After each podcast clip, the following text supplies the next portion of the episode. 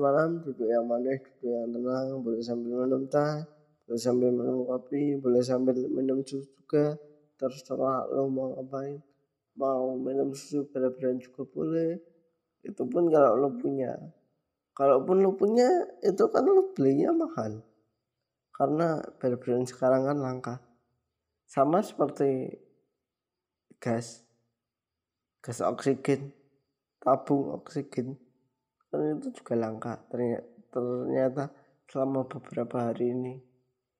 Dan kelangkaan itu menyebabkan salah satu penyebab adanya banyak kematian entah itu karena covid atau bukan. Tapi menurut gue pribadi berdasarkan beberapa berita yang gue baca orang yang bener-bener butuh itu jadi kesusahan gitu loh buat nyari ga, nyari oksigen gas nyari oksigen atau semacamnya.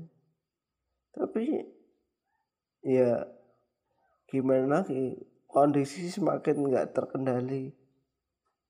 Nah kondisi semakin tak terkendali harga semakin tak terkendali tapi proses kita semua cari duit, cari nafkah itu susah. Untuk kita kita untuk lo untuk gue itu susah. Tapi untuk beberapa orang yang kita bisa sebut akhir-akhir ini apa? Bukan akhir-akhir ini sih gue gue udah termasuknya udah telat tahunya Doni Salmanan yang memberikan donasi ke streaming ke ke seorang streamer yang kita kenal dengan nama Reza Arab seorang gamer. Yang total donasi dari Doni Salmanan ini mencapai satu m satu m. Untuk orang-orang seperti itu kan itu nggak ada masalah itu loh. Mau pandemi mau nggak mau mau keadaan krisis atau enggak menurut gue mereka masih bisa bertahan deh. Tapi kalau buat tukang mie ayam bakso keliling cilok cilor terus pedagang kaki lima kayak jajanan pasar gitu gimana? Apakah mereka bisa bertahan? Itu yang sekarang sedang dunia alamin. Dan tadi sore gue nggak sengaja ngobrol-ngobrol sama temen gue. Soal gimana kondisinya soal gimana keuangannya soal kenapa nggak nyoba daftar ke sini kenapa nggak nyoba daftar ke situ. Iya ada obrolan antar gue sama temen gue. Itu ngobrolin soal gimana susahnya nyari uang. Karena kondisi sekarang emang nggak menentu nyari uang aja susah. Di sisi lain gue gue ini belum punya kerjaan yang pasti. Kalau lo udah dengerin beberapa episode podcast gue mungkin lo tahu kalau gue sering bantuin temen gue skripsi dan itu pun memang menghasilkan.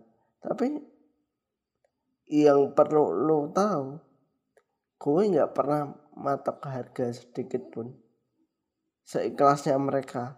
Karena yang gue yakini gue ini belum cocok atau belum pas atau belum berani.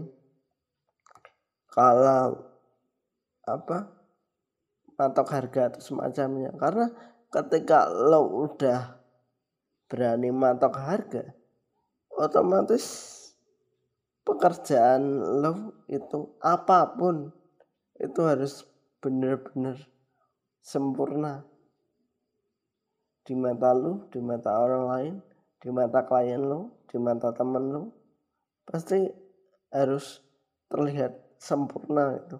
Nah sementara gue merasa kemampuan gue ini masih nggak ada apa-apanya dibanding kan profesional-profesional yang sering edit skripsi dengan budget segini segini segini. Gue gue nggak ada apa-apanya karena kemampuan gue terbatas di bagian apa uh, eh, PDF mem kan. Dokumen terus ngedit dokumen secara sederhana terus apa cek cek typonya atau salah pengetikannya gimana terus hal-hal lain soal upload atau semacamnya. Kalau misalkan mereka ada masalah baru gue bantuin cara uploadnya gimana. Baru sekedar itu. Kemampuan gue belum belum semaster yang lo pikirin. Belum. Ada kemampuan gue yang ada batasnya. Terus nah nah nyambung nyambung lagi ke ke obrolan sama temen gue. Tadi gue sama temen gue tuh pokoknya ngobrolin soal kenyataan lah. Karena sesudah kami sudah kami lulus. Ternyata dunia digemparkan dengan kondisi pandemi yang menyebabkan semua rencana tercancel, tertunda, atau bahkan nggak bisa sama sekali untuk dilakukan sehingga kondisi ini memaksa lo untuk berpikir kreatif padahal nggak semua orang itu kreatif. Semua orang itu kreatif pada levelnya masing-masing. Kita nggak bisa sama ratain karena ketika kita ngomongin kreativitas itu kita ngomongin tentang seni tentang keindahan apa pun itu.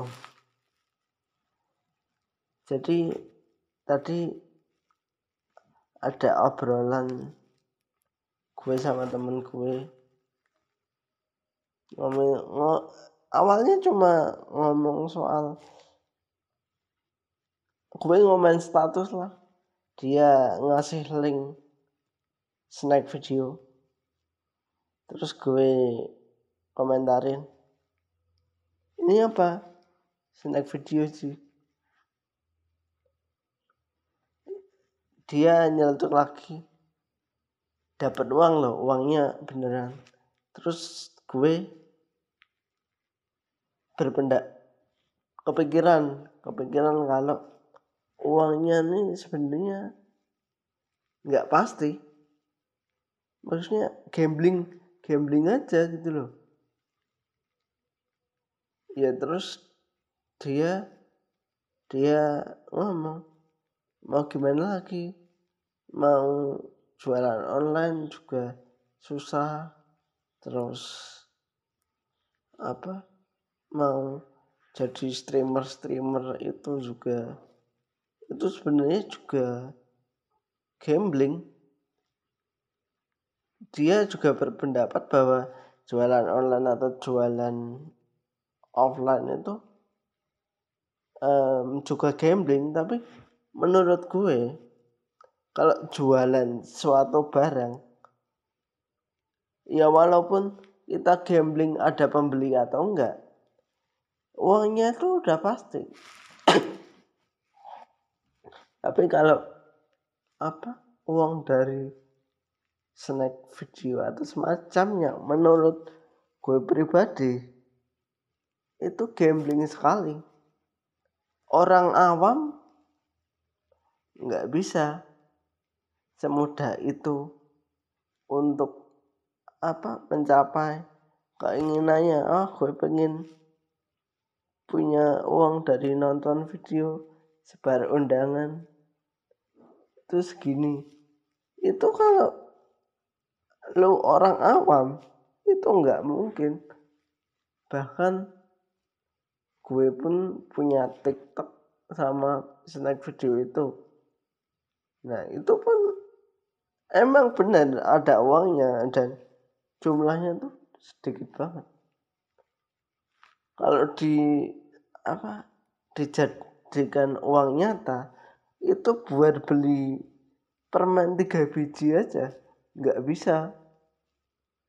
Satu karena secara wise maksud maksud gue cara secara cara itu menurut gue pribadi ya cuma sekedar kayak YouTube aja buat hiburan. Kalaupun ternyata apa dapat uang itu bonus aja. Iya gue gue pernah ngerasain narik sepuluh ribu dari bentar dari TikTok. Emang pernah sekali. Dan itu pun bukan bukan cara cara utama gue buat cari uang atau semacamnya. Karena menurut gue uh, penyedia penyedia layanan atau provider entertainment video-video itu ya itu tujuannya untuk menghibur. Kalaupun ternyata dapat uang ya bonus aja.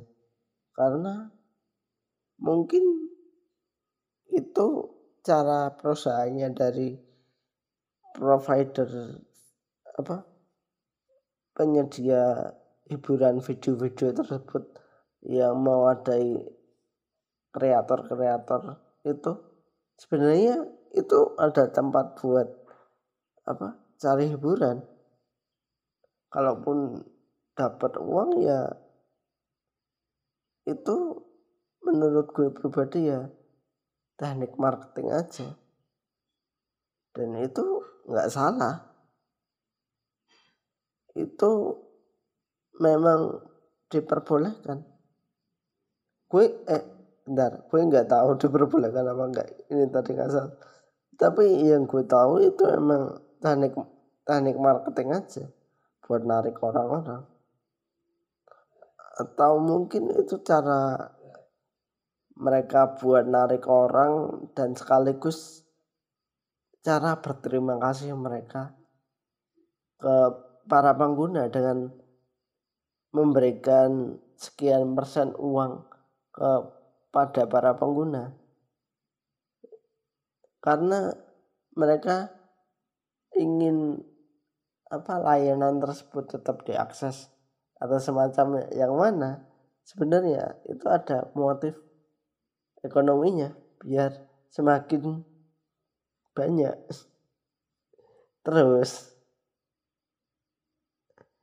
yang kedua itu kok yang kedua? Bentar. Bukan gue bukan bukan fokus mau ngomongin tentang TikTok atau snack video. Itu pokoknya kalau kalau untuk orang awam itu nggak bakalan bisa sebanyak yang benar-benar udah paham marketing. Boleh bu, bukan nggak boleh lo apa mengandalkan dari sen, apa penghasilan nonton video ini. Dari snack video atau TikTok atau semacamnya.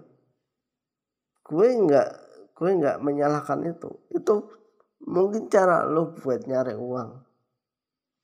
Dengan catatan ini untuk orang-orang yang sudah ahli di bidang marketing bakal benar-benar sukses di TikTok menurut gue pribadi. Terus tadi tiba-tiba temen gue nyeletuk pas kita ngobrolin tentang apa rezeki yang didapat gambling itu tadi. Tiba-tiba temanku nyeletuk kenapa nggak mau jadi youtuber aja? Kenapa lu nggak jadi youtuber aja? Mudahnya gitu. Terus gue jawab gue nggak mau berurusan sama yang namanya visual video. Alasannya sebenarnya sederhana. Yang pertama laptop gue nggak mampu. Yang kedua kamera gue cuma punya kamera pocket aja iya gue gue gue bersyukur gue masih punya kamera daripada yang enggak. Tapi kan kalau untuk produksi kan nggak bisa ini nggak bisa. Cuma buat abadiin momen-momen tertentu aja. Atau semacamnya. Terus yang ketiga kalau gue paksakan dengan apa dengan laptop yang enggak ada yang enggak mampu-mampu amat. Gue takutnya itu enggak mampu terus malah mati kayak laptop gue yang lama kan. Gue yang rugi. Terus temen gue tiba-tiba ngomong lagi soal monetisasi di Spotify atau semacamnya. Yang intinya dia nanya soal gimana monetisasi di Spotify. Ya karena gue nggak nggak begitu tahu. Dan yang gue tahu yang bisa di monetisasi itu di anchornya di, di anchor yang sebenarnya itu juga milik Spotify. Gue gue bilang aja. Dulu sih mudah. Apa monetisasi di Spotify. Tapi sekarang wow wow wow ngikutin gayanya Bang Andri. Dan tiba-tiba entah gimana um, gue nanya ke dia gimana kabarnya sekarang? Masih kerja apa enggak? Gimana? Pokoknya intinya intinya gue nanyain kabar lah. Gimana? Dia jawabnya ya ya masih seperti biasa tetap sehat atau semacamnya. Terus kan karena tadi obrolan kami kan berfokus pada cari uang yang masa-masa ini cari uang yang sulit pada masa-masa ini. Pokoknya intinya obrolan kami itu ngomongin kalau cari uang itu susah di masa-masa sekarang. Tiba-tiba gue nanya setelah dia jawab itu tadi gue nanya nggak nyoba CPNS dia dia jawab gue nyoba gue nyoba. Terus uh, dia nanya ke nanya balik ke gue. Kamu kamu sih? Enggak aku enggak nyoba. Terus dia dia nanya soal beasiswa juga. Gue jawab belum ada kepastian. Terus uh, gue jelasin kenapa gue nggak nyoba CPNS itu karena menurut gue pribadi ada ada beberapa alasan yang untuk difabel harus benar-benar dipikirin yang pertama meyakinkan keluarga lu meyakinkan bahwa lu itu mampu kalau kerja jadi ASN atau PNS atau semacamnya. Nah, yang pertama mungkin bisa dibilang gue berhasil. Yang kedua, ketika lo memutuskan buat kerja apakah tempatnya yang nanti gue jadikan yang nanti jadi tempat gue kerja apakah udah akses atau belum kalau misalkan udah alhamdulillah. Nah misalkan kalau belum kan di sini nggak ada kepastian apakah udah akses atau belum. Terus kalaupun udah poin ketiga itu apa? Um, secara sistem itu udah siap apa belum? Maksud gue secara proses pembagian tugas difabel dengan yang normal. Dengan yang non difabel sorry. Gue gue gue malah pakai kata normal lagi. Sorry sorry. Bukan bermaksud. Pembagian sistem kerja atau sistem at, intinya aturan di perusahaan itu udah mencakup untuk difabel atau belum. Terus yang keempat yang gue yakini ketika lo masuk ke mana pun itu pasti ada pressure ada tuntutan dari atasan atau semacamnya. Nah apakah tuntutan atau tekanan yang diberikan kepada difabel itu atau beban kerja yang diberikan untuk difabel itu udah sesuai atau belum? Karena seperti yang selalu gue bilang difabel satu sama difabel yang lain itu beda. Kemampuannya itu pun beda kita bikin standarisasi untuk kemampuan difabel satu. Untuk difabel pada umumnya itu susah. Menurut gue pribadi susah karena penanganannya pun difabel satu sama difabel yang lain itu berbeda. Menurut gue gitu. Jadi ya nggak bisa nggak bisa itu sih nggak bisa. Kita pukul rata sih nggak bisa. Susah jadi ya itu.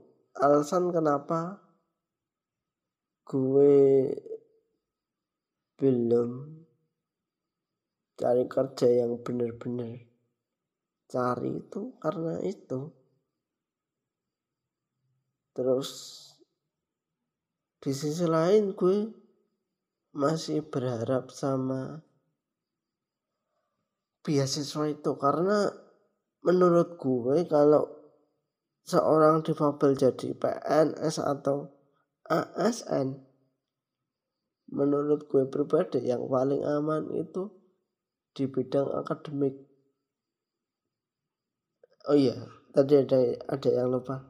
Di CPNS itu ada buat jurusan sosiologi. Pokoknya di bidang pedesaan atau semacamnya. Nah kalau gue kan nggak mungkin ya. Kalau misalkan nanti disuruh survei ke kali terus ngawasin pembangunan di kali nanti semacamnya kan kalau gue pribadi nggak mungkin harus ada beberapa hal yang gue pikirkan dan yang gue pikirkan itu tadi. Ya semoga podcast ini jadi salah satu jalan gue buat nyari uang. Kalau bisa kalau enggak ya udah. Ini tetap jadi kegiatan rutinan gue karena podcast ini tuh jadi salah satu tempat curhat gue selain ibu gue. Ibu gue ada tempat curhat pertama gue terus ini itu yang keberapa gitu. Pokoknya ketika gue udah siap ngomong ya udah. Gue gue mau ngomong. Yang intinya apa pun yang lo lakukan buat nyari uang selama itu masih menghasilkan dan sekecil apa pun itu ya udah terima aja. Karena kondisinya emang lagi begini emang lagi susah buat cari uang. Dunia juga lagi enggak normal lagi enggak sehat lagi enggak stabil. Jadi ya yang merasakan nggak cuma lo. Yang gue yakinin adalah kalau setelah hujan itu ada pelangi itu di siang hari ya pasti di kondisi yang di kondisi yang tidak enak ini nantinya bakalan ada hal-hal yang pastinya akan segera membaik. Ya walaupun untuk sekarang sedang tidak baik ya udah jalanin aja yang ada. Tetap jaga kesehatan. Tetap jaga imun. Pokoknya intinya syukuri apa yang ada sekarang. Terima kasih. Dan ini pun podcast dadakan. Maaf kalau ada beberapa beberapa kata yang enggak yang enggak apa yang menyinggung atau semacamnya. Terima kasih. Sampai jumpa di podcast selanjutnya. Dadah. Selamat malam.